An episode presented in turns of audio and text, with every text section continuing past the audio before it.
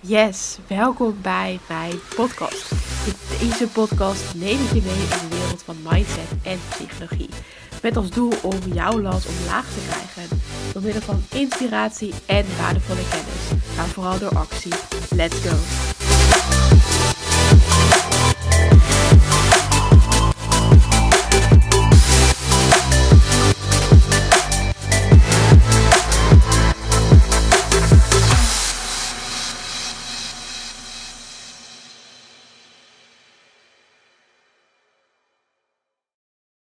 Yes, tof dat je er vandaag weer bij bent bij een nieuwe aflevering van mijn podcast. Vandaag ga ik het met je hebben over een totaal ander onderwerp dan wat je misschien gewend bent. Ik ga het aan de ene kant hebben over verandering en aan de andere kant over diëten. En misschien denk je nu van, hè, waarom praat jij over diëten? Dat wordt je vast duidelijk en aan het eind van deze podcast zal alles ook samenkomen. En ik wil even beginnen met het stukje diëten. Je hebt vast wel eens bij jezelf gemerkt dat je een dieet wilde volgen. En als dit niet het geval is, dan vast wel bij de mensen om je heen. Dat je een dieet wil volgen om af te vallen, om fitter te worden, om gezonder te worden, om erbij te horen, wat ook maar jouw reden mag zijn. Als ik even kijk naar mezelf, dan heb ik dit ook gedaan.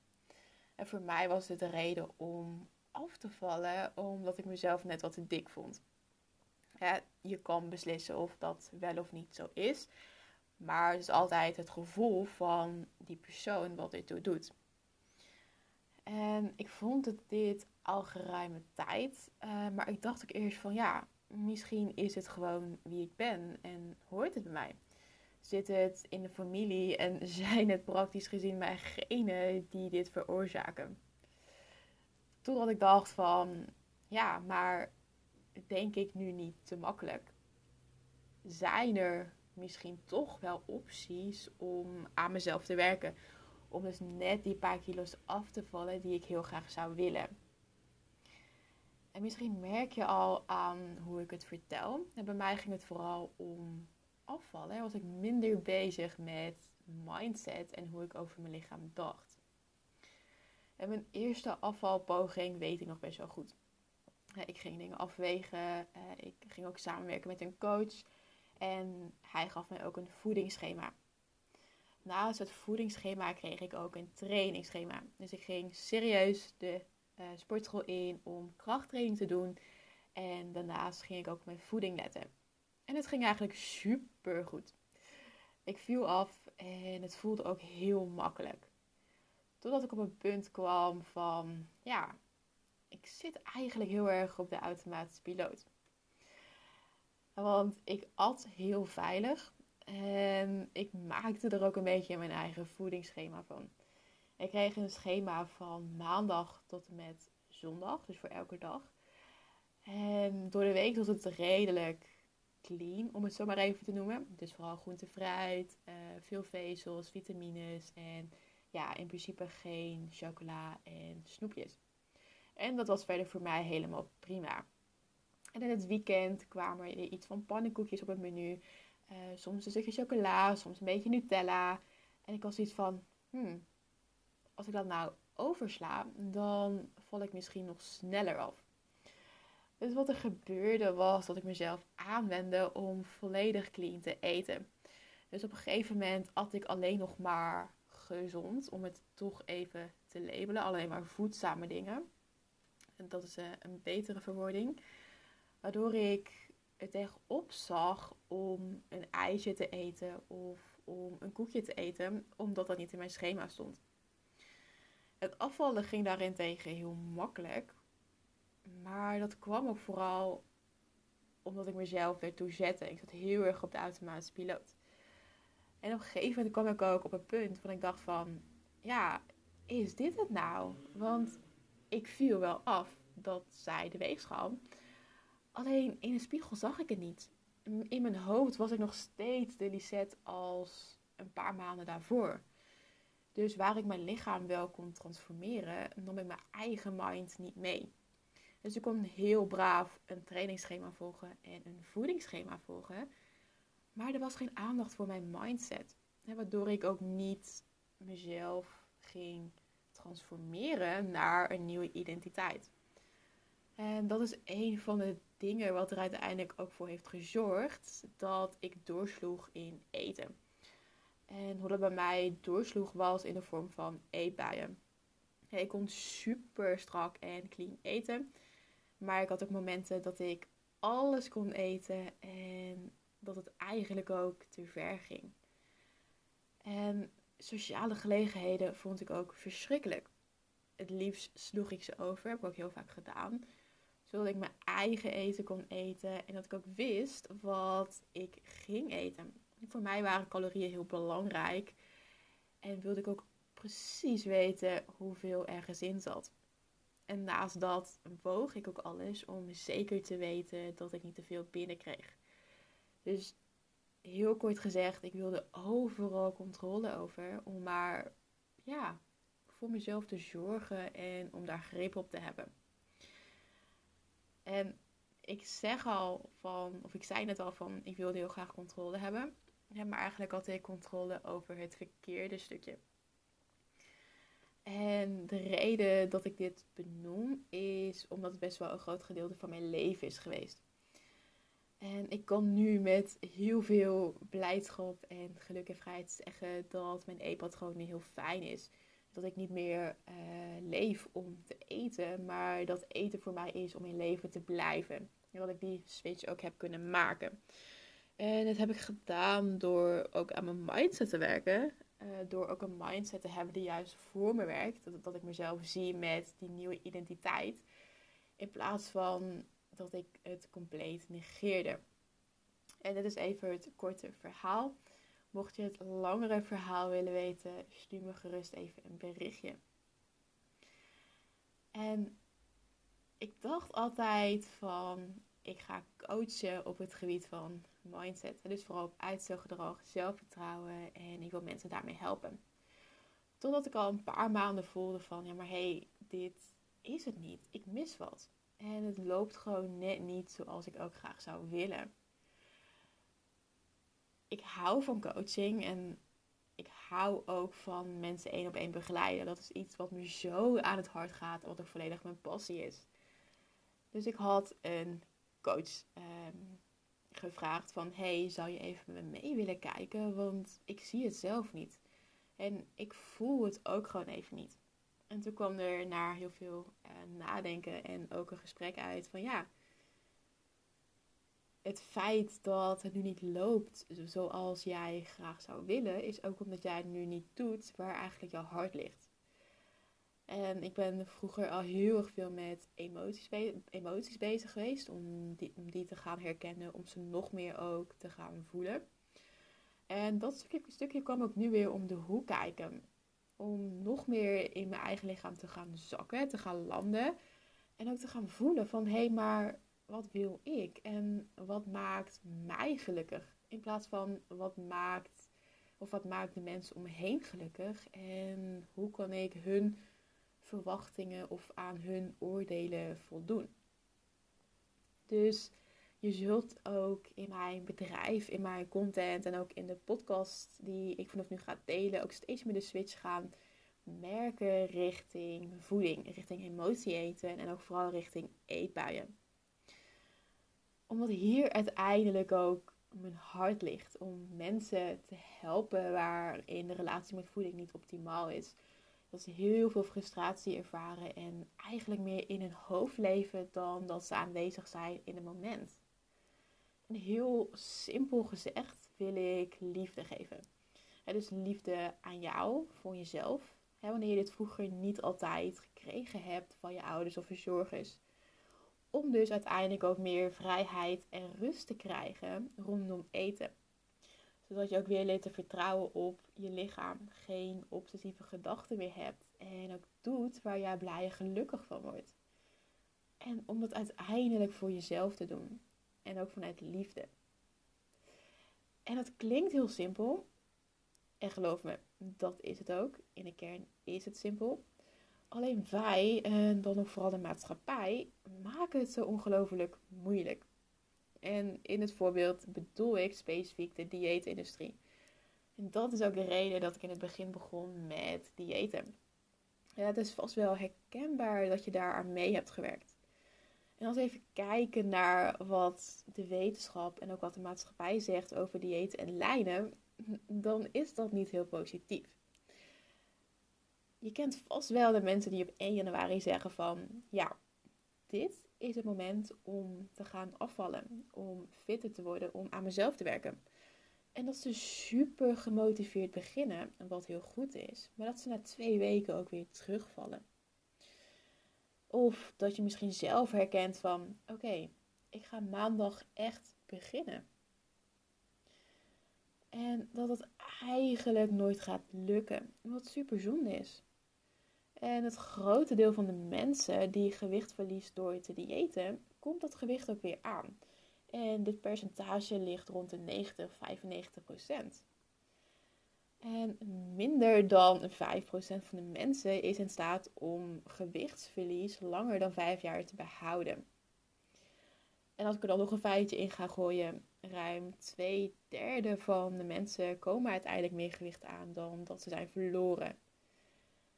En wanneer jij dus ook heel erg met diëten bezig bent, zorgt het ook voor meer obsessieve gedachten rondom eten, maar ook rondom jouw eigen lichaam. Wat ook weer kan leiden tot overeten, tot emotie eten en tot eetbuien. En dat is waar ik ook de focus op wil leggen. Want uiteindelijk is eten ook niet het probleem, maar ook meer jouw gedachten eromheen, de labels die jij geeft, maar ook waarmee jij je identificeert als we diëten even gaan concretiseren, dan zijn er heel veel verschillende diëten. dus je hebt weetwatjes, je hebt Sonja Bakker, uh, je hebt koolhydraatarm, uh, je hebt keto, je hebt het paleo dieet, uh, eiwitrijk dieet, noem maar op. En in de kern werkt elk dieet. Want wat er eigenlijk gebeurt is dat jij heel weinig calorieën tot je, tot je krijgt dan dat jij verbrandt. En dus jouw inname is lager dan dat jij verbrandt en dan val je af. En een dieet werkt vaak ook maar voor een korte periode. Want als we even kijken naar koolhydraatarm, ik zie best wel heel veel mensen die koolhydraatarm gaan eten, maar even heel serieus, denk jij dit volledig en ook levenslang vol te kunnen houden? Dus dat jij nooit meer pasta gaat eten, nooit meer brood en nooit meer pizza. Of wanneer jij alleen maar volgens weet wat je gaat eten, wil jij je hele leven punten gaan tellen. En dat jij ook gaat luisteren naar iets wat iemand jou voorschrijft om te eten. Ik denk het niet. Ik denk dat het zoveel mooier is dat je kunt luisteren naar je lichaam. En dat je ook kunt luisteren en kunt voelen van hé, maar wat heeft mijn lichaam nodig? En de ene dag is dat groente en fruit. En de andere dag is dat misschien een pizza. En dat is helemaal oké. En dat is ook meer een stukje intuïtief natuurlijk. Dat jij erop kunt reageren en ook naar kunt handelen. En dat is ook wat ik heel vaak mis zie gaan in deze maatschappij. En dat de focus zo erg wordt gelegd op het diëten, op strak zijn, op afvallen. Terwijl er zoveel meer is. En daar mag ook meer de focus op komen. dus om niet continu je portiegrootte te gaan controleren, om continu je voedsel af te wegen, om in de stress te springen wanneer je een keer 5 gram nootjes meer eet. En dat er ook geen regels meer zijn wanneer je wel of niet mag eten. En dat we ook niet gaan spreken in termen van cheat days, cheat meals, cheat dagen. Nou ja, noem maar op. Want jouw lichaam is veel slimmer dan jij denkt. Als we even teruggaan ook naar de oertijd, dan is jouw lichaam gemaakt om te overleven. je kent misschien vast wel de uitspraak survival of the fittest. Ja, uiteindelijk overleven degenen die het, het meest fit zijn en die ook de stappen maken om dit te gaan doen. En concreet gezien betekent dit ook dat jouw lichaam jou van nature ook beschermt tegen uithongering. In principe hebben wij allemaal het lichaamssignaal wat naar boven komt op het moment dat wij trek hebben. Dus als je jouw lichaam bepaalde type of hoeveelheden voedsel gaat ontzeggen, dan gaat jouw lichaam in een soort van ja, overlevingsmodus springen. Dus het wordt super alert. En wanneer jij ook jouzelf bepaalde uh, hoeveelheden of bepaalde type voedsel gaat ontzeggen, bijvoorbeeld je zegt je mag, ik mag geen chocola meer of ik mag geen pizza meer of ik mag geen chips meer, dan vergroot het juist jouw cravings. En dan ga je juist zin krijgen in chocola en of chips. En daarmee vergroot je ook de kans op eetbuien en overeten. En dat is dus ook een nadelige bijwerking van diëten. Omdat je dan jezelf bepaalde dingen gaat ontzeggen, waardoor de kans alleen maar groter wordt dat je daar zin in hebt. En dat resulteert dus weer in eetbuien, in, in emotie eten. Dus waar ik ook naartoe wil, is dat we voedsel niet meer gaan labelen als slecht of goed. Maar dat we meer gaan voelen. Dat we voelen wat ons lichaam nodig heeft en ook waar ons lichaam dan behoefte aan heeft. En dat we daar ook naar gaan handelen. Dus diëten zijn er nog heel veel. Maar wat zou er gebeuren als we niet meer gaan denken vanuit deze dieetmentaliteit, maar meer gaan denken vanuit liefde? Vanuit liefde voor ons eigen lichaam, vanuit liefde voor jezelf en ook liefde voor eten. En dat we het veel meer vanuit liefde kunnen gaan benaderen in plaats van vanuit een dieet. Want word jij daar echt gelukkig van? En om daarmee ook te zorgen dat jij een ontspannen relatie krijgt met zowel voeding als ook jouw lichaam. Een gezonde, een gezonde, balans noem ik het ook wel. En dat jij aan de ene kant lekker je groente en fruit kunt eten. Maar aan de andere kant ook rust ervaart wanneer je een keer een snoepje eet of chocola. dus ik geloof dat er zoveel meer is dan diëten. En dat eten ook niet de oorzaak is van eetbuien. Ja, want als ik kijk naar mezelf, dan dacht ik ook meer aan emoties. Ik heb vanuit vroeger niet geleerd hoe ik emoties kan voelen en kan ervaren en ermee om kan gaan. En uiteindelijk vond ik deze rust in eten. Ja, dus eten was een soort uitlaatklep ook voor mijn emoties, maar ook voor ontspanning. En dat is ook de reden dat ik kijk naar het totaalplaatje. En niet alleen naar de relatie die je hebt met eten, maar ook naar de relatie die je hebt met anderen. Naar je plek in het familiesysteem. Maar ook naar beweging, emoties en je eigen zelfzorg. Dat je letterlijk een reis door jezelf gaat maken. En puur voor jezelf en niet voor een ander. Onthoud in ieder geval dat er ontzettend veel geld door de dieetindustrie wordt omgezet. Maar dat het slagingspercentage echt bizar laag is. Ik ga het getal niet noemen, want het is schrikbarend laag. Dus neem voor mij aan dat je het niet wil horen.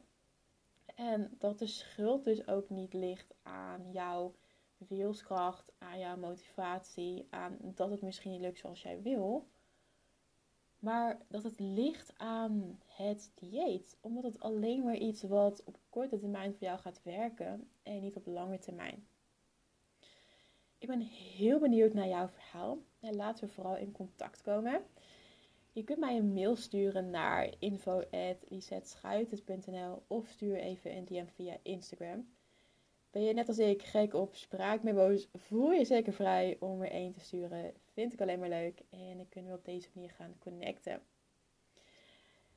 Ik denk dat deze podcast een klein beetje een weerwar was van verschillende punten. Ik hoop in ieder geval dat mijn punt eigenlijk duidelijk is dat er de aankomende tijd wat verandering aan gaat komen. Verandering in content, in podcasts en uiteindelijk ook in mijn aanbod. Voor nu wens ik jou nog een hele fijne dag en ik spreek je in de volgende podcast. Super tof dat je weer hebt geluisterd naar mijn podcast. Ik ben onwijs benieuwd welk inzicht jij vandaag hebt gekregen. Laten we vooral connecten via Instagram en deel jouw inzicht. En wie weet